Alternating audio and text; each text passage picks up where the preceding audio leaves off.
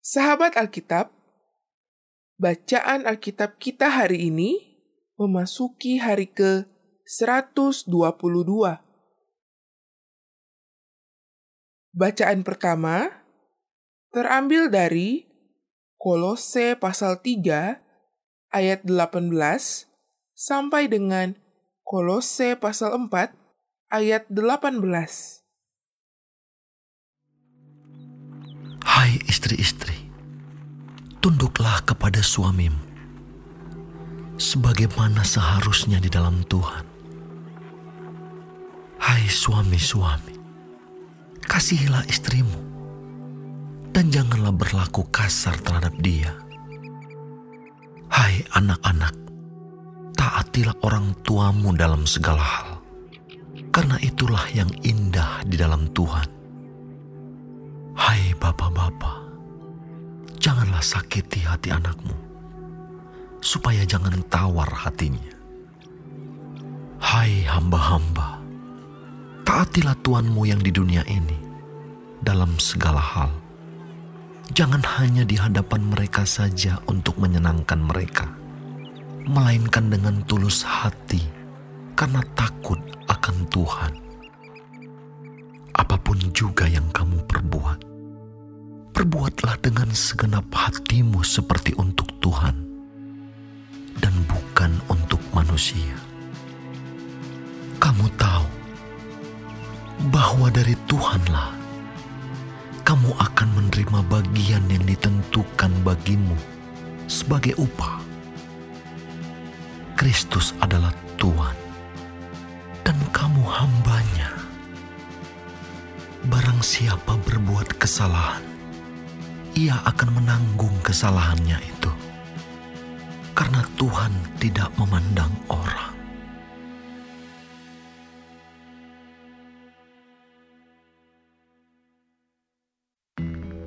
Hai Tuhan-Tuhan, berlakulah adil dan jujur terhadap hambamu.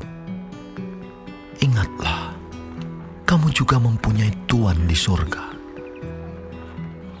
bertekunlah dalam doa, pada itu berjaga-jagalah sambil mengucap syukur.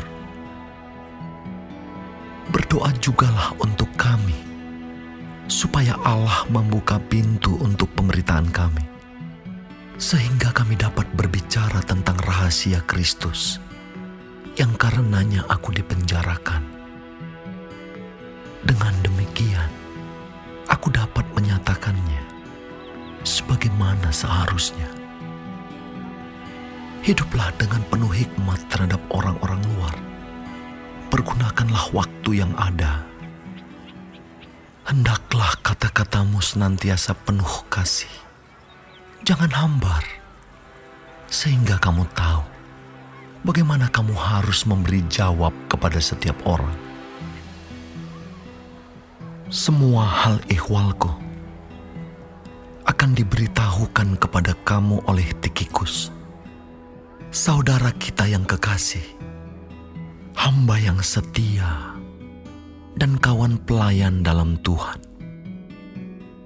Ia kusuruh kepadamu dengan maksud supaya kamu tahu akan hal ihwal kami dan supaya ia menghibur hatimu. Ia kusuruh bersama-sama dengan Onesimus, saudara kita yang setia dan yang kekasih, seorang dari antaramu. Mereka akan memberitahukan kepadamu segala sesuatu yang terjadi di sini. Salam kepada kamu dari Aristarkus, temanku sepenjara, dan dari Markus, kemenakan Barnabas tentang dia kamu telah menerima pesan. Terimalah dia apabila dia datang kepadamu. Dan dari Yesus yang dinamai Yustus, hanya ketiga orang ini dari antara mereka yang bersunat, yang menjadi temanku sekerja untuk kerajaan Allah. Mereka itu telah menjadi penghibur bagiku Salam dari Epafras kepada kamu, ia seorang dari antaramu, hamba Kristus Yesus, yang selalu bergumul dalam doanya untuk kamu, supaya kamu berdiri teguh sebagai orang-orang yang dewasa dan yang berkeyakinan penuh dengan segala hal yang dikehendaki Allah. Sebab aku dapat memberi kesaksian tentang dia bahwa ia sangat bersusah payah untuk kamu dan untuk mereka yang di Laodikia dan Hierapolis. Salam kepadamu dari tabib Lukas yang kekasih dan dari Demas. Sampaikan salam kami kepada saudara-saudara di Laodikia, juga kepada Nimfa dan jemaat yang ada di rumahnya mana surat ini telah dibacakan di antara kamu, usahakanlah supaya dibacakan juga di jemaat Laodikia, dan supaya surat yang untuk Laodikia dibacakan juga kepadamu. Dan sampaikanlah kepada Arkipus, perhatikanlah supaya pelayanan yang kau terima dalam Tuhan kau jalankan sepenuhnya. Salam daripadaku,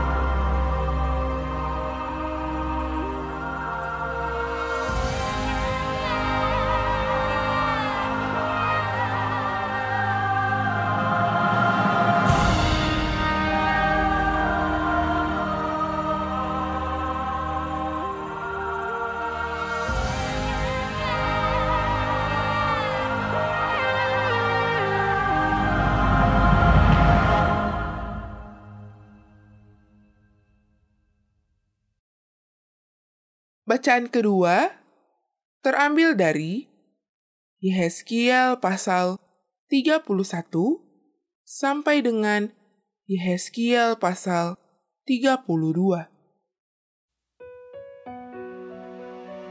Pada tahun ke-11, dalam bulan yang ketiga, pada tanggal satu bulan itu, datanglah firman Tuhan kepadaku Hai anak manusia, katakanlah kepada Firaun, Raja Mesir, dan kepada halayak ramai yang mengikutinya.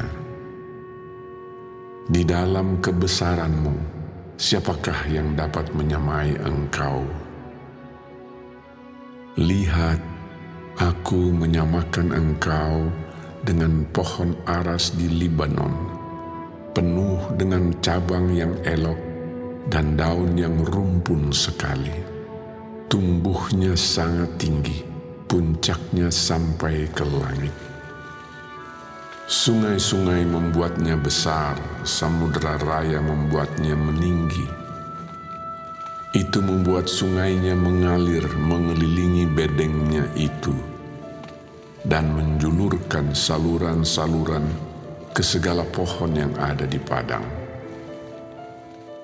maka dari itu tumbuhnya lebih tinggi dari segala pohon di padang. Ranting-rantingnya menjadi banyak, cabang-cabangnya menjadi panjang lantaran air yang melimpah datang.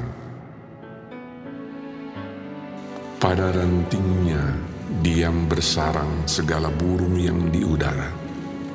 Di bawah cabangnya segala binatang di hutan melahirkan anaknya. Dan semuanya bangsa besar duduk bernaung di bawahnya. Ia elok karena besarnya dan karena cabangnya yang panjang-panjang. Karena akarnya julur jalar sampai di air yang berlimpah-limpah. Pohon-pohon aras di dalam taman Allah tidak akan dapat menyainginya. Juga pohon sanobar tidak akan dapat menyamai ranting-rantingnya.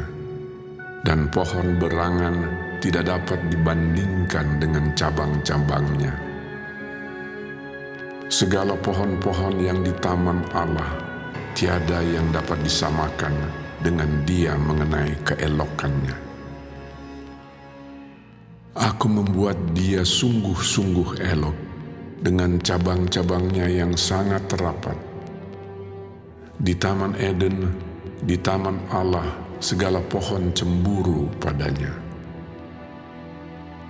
Oleh sebab itu, beginilah firman Tuhan Allah. Oleh karena ia tumbuh tinggi dan puncaknya menjulang sampai ke langit, dan ia menjadi sombong karena ketinggiannya.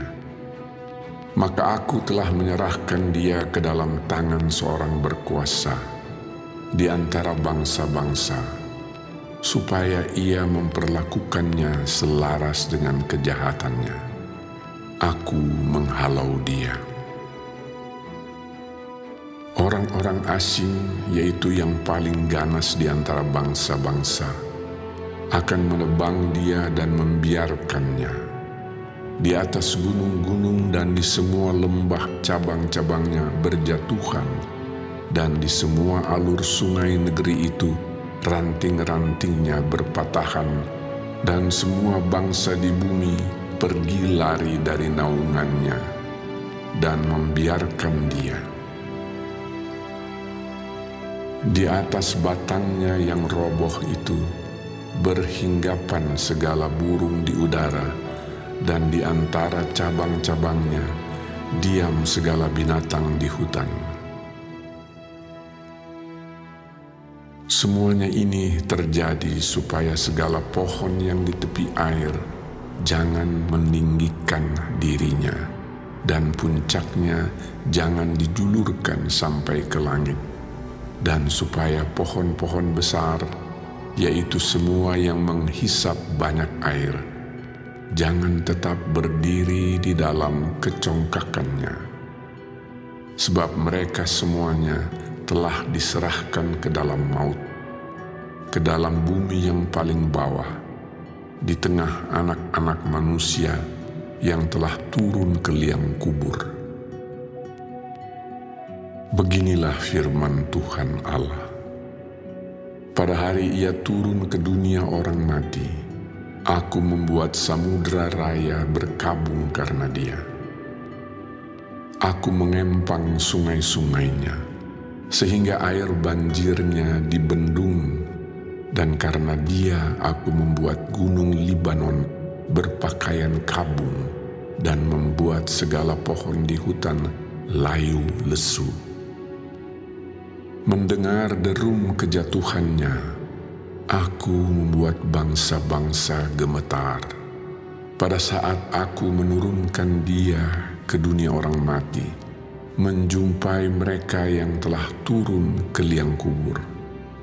Dan segala pohon taman Eden akan merasa terhibur di bumi yang paling bawah, yaitu pohon yang terpilih, yang terindah dari Libanon, yang menghisap banyak air. Mereka juga turun bersama dia ke dunia orang mati, yaitu ke orang-orang yang mati terbunuh oleh pedang, dan mereka yang bernaung di bawahnya di tengah bangsa-bangsa mati juga. Maka dengan siapakah engkau dapat disamakan di antara pohon-pohon di Taman Eden dalam hal kemuliaan dan kebesaran. Engkau akan diturunkan ke bumi yang paling bawah bersama pohon-pohon di Taman Eden, dan engkau telentang di tengah orang-orang yang tak bersunat bersama orang-orang yang mati terbunuh oleh pedang. Itulah Firaun dengan semua halayak ramai yang mengikutinya. Demikianlah firman Tuhan Allah.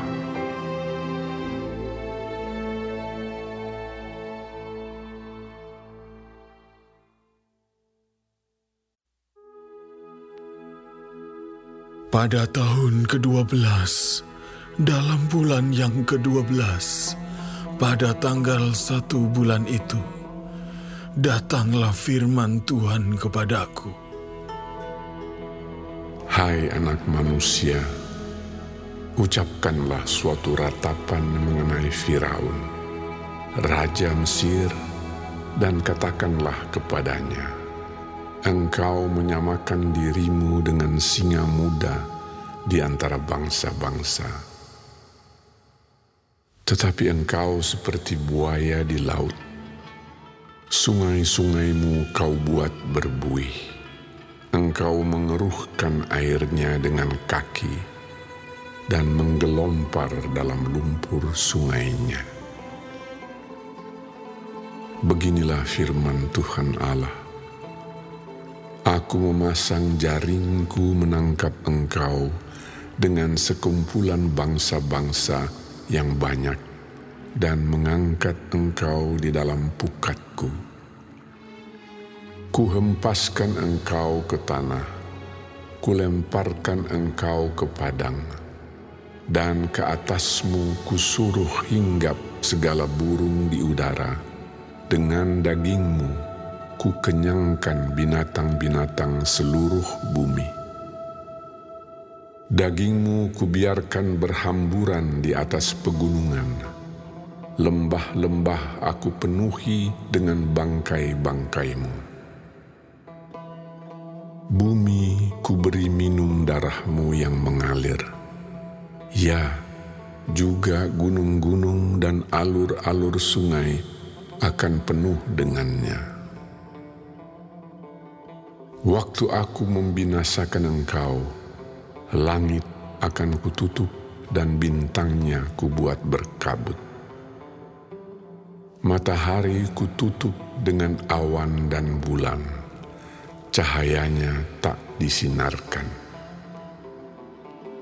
Semua yang bersinar di langit akan kugelapkan demi engkau kegelapan kudatangkan atas tanahmu. Demikianlah firman Tuhan Allah. Aku menggelisahkan hati banyak bangsa, kalau aku membawa kamu sebagai tawanan di tengah bangsa-bangsa ke negeri-negeri yang belum kamu kenal. Aku akan membuat banyak bangsa kaget melihat engkau dan raja-rajanya akan menggigil melihatmu kalau aku menetak-netakkan pedangku di hadapan mereka. Mereka akan gentar terus-menerus masing-masing demi hidupnya pada hari kesudahanmu. Sebab beginilah firman Tuhan Allah. Pedang Raja Babel akan datang atasmu Aku akan membuat halayak pengikutmu berbahan oleh pedang para pahlawan. Semuanya yang terganas di antara bangsa-bangsa. Kecongkakan Mesir akan dipatahkan dan halayak pengikutnya semua dipunahkan. Semua binatangnya akan kubinasakan dari tepi sungai-sungai besar kaki manusia tidak lagi mengeruhkannya, dan di dalamnya tiada hewan menggelompar.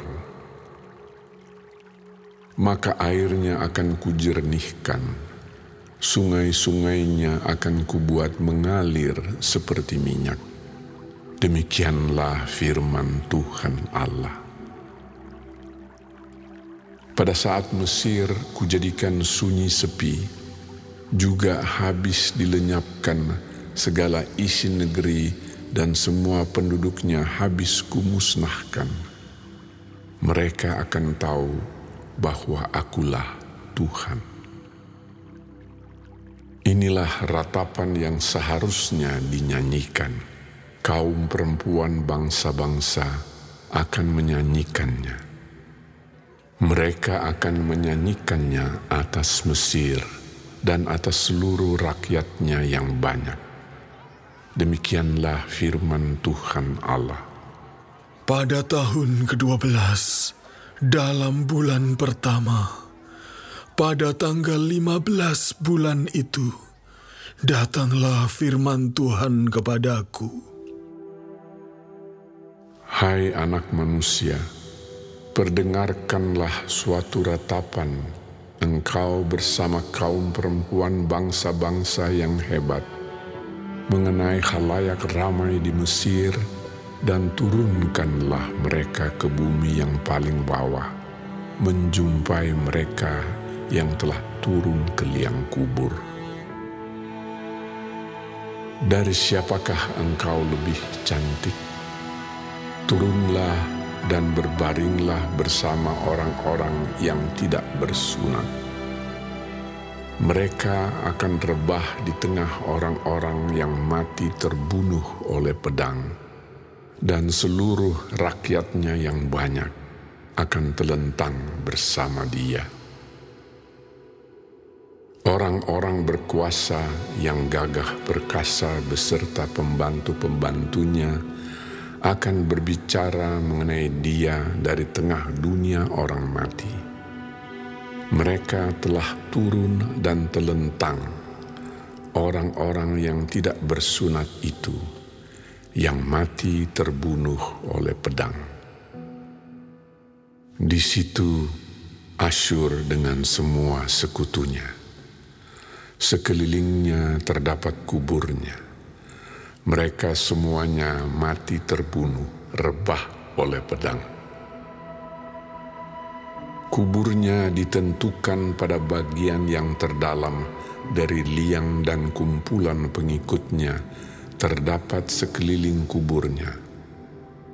Mereka semuanya mati terbunuh, rebah oleh pedang yaitu yang menimbulkan ketakutan di dunia orang-orang hidup.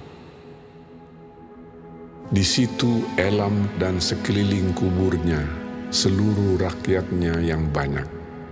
Mereka semuanya mati terbunuh, rebah oleh pedang, yaitu yang tanpa disunat turun ke bumi yang paling bawah, yang dari pihaknya menimbulkan ketakutan di dunia orang-orang hidup. Mereka menanggung nodanya bersama orang-orang yang turun ke liang kubur. Di tengah orang-orang yang mati terbunuh, disediakan tempat tidur baginya dengan seluruh rakyatnya yang banyak sekeliling kuburnya. Mereka semuanya orang-orang yang tidak disunat mati terbunuh oleh pedang.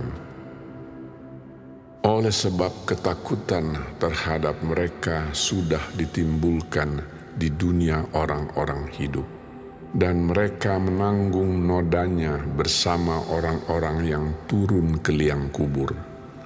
Mereka ditempatkan di tengah orang-orang yang mati terbunuh.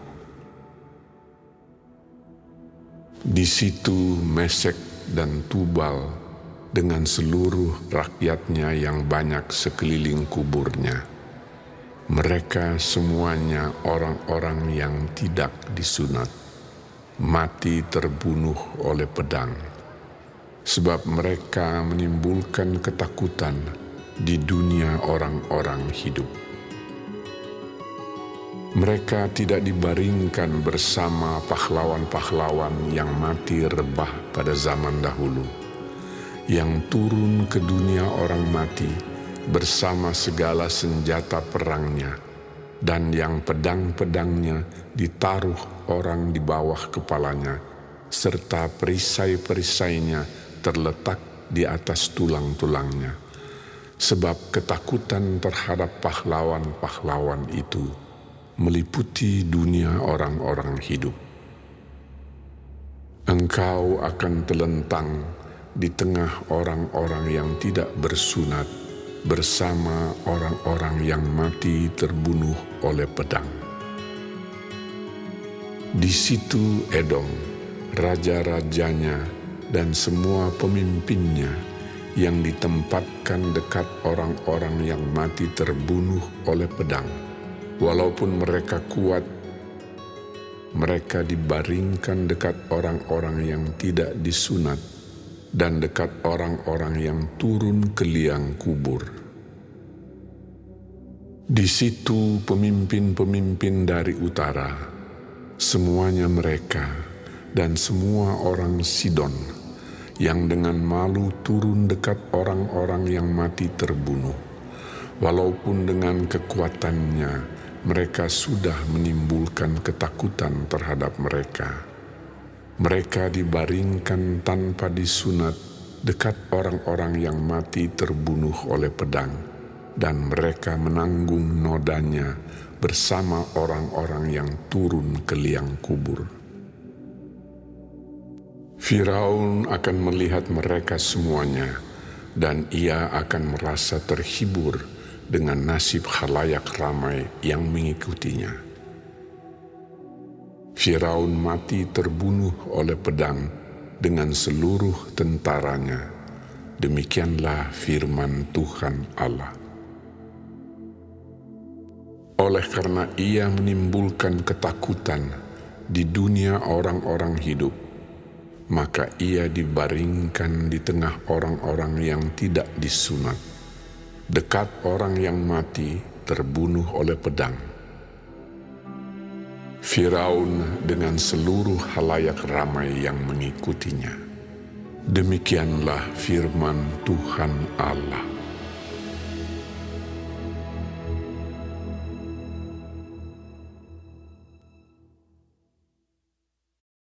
Bacaan ketiga terambil dari Yesaya pasal 56.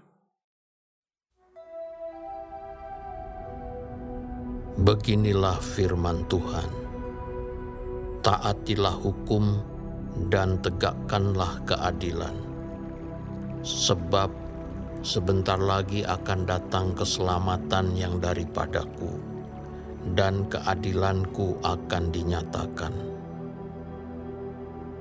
Berbahagialah orang yang melakukannya, dan anak manusia yang berpegang kepadanya yang memelihara hari Sabat dan tidak menajiskannya, dan yang menahan diri dari setiap perbuatan jahat. Janganlah orang asing yang menggabungkan diri kepada Tuhan berkata, "Sudah tentu Tuhan hendak memisahkan aku daripada umatnya." dan janganlah orang kebiri berkata, Sesungguhnya aku ini pohon yang kering. Sebab beginilah firman Tuhan. Kepada orang-orang kebiri yang memelihara hari-hari sabatku, dan yang memilih apa yang ku kehendaki, dan yang berpegang kepada perjanjianku. Kepada mereka akan kuberikan dalam rumahku dan di lingkungan tembok-tembok kediamanku suatu tanda peringatan dan nama. Itu lebih baik daripada anak-anak lelaki dan perempuan. Suatu nama abadi yang tidak akan lenyap akan kuberikan kepada mereka.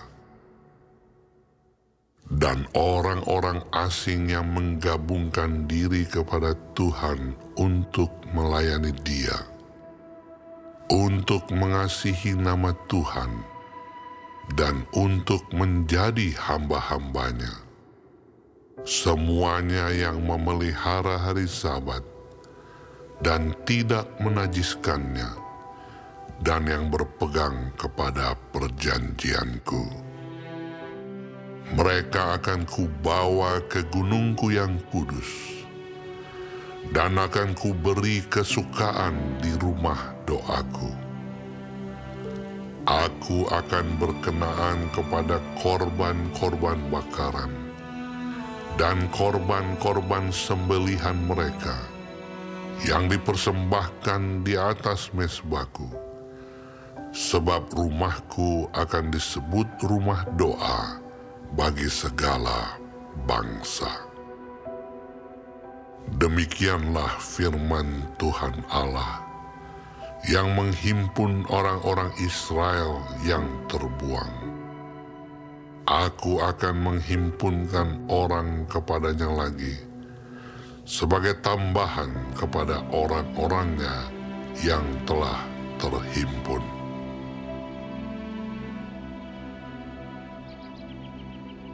Hai segala binatang di padang, hai segala binatang di hutan, datanglah untuk makan. Sebab pengawal-pengawal umatku adalah orang-orang buta. Mereka semua tidak tahu apa-apa. Mereka semua adalah anjing-anjing bisu, tidak tahu menyalak. Mereka berbaring melamun dan suka tidur saja. Anjing-anjing pelahap yang tidak tahu kenyang dan orang-orang itulah gembala-gembala yang tidak dapat mengerti. Mereka semua mengambil jalannya sendiri, masing-masing mengejar laba, tiada yang terkecuali. Datanglah, kata mereka.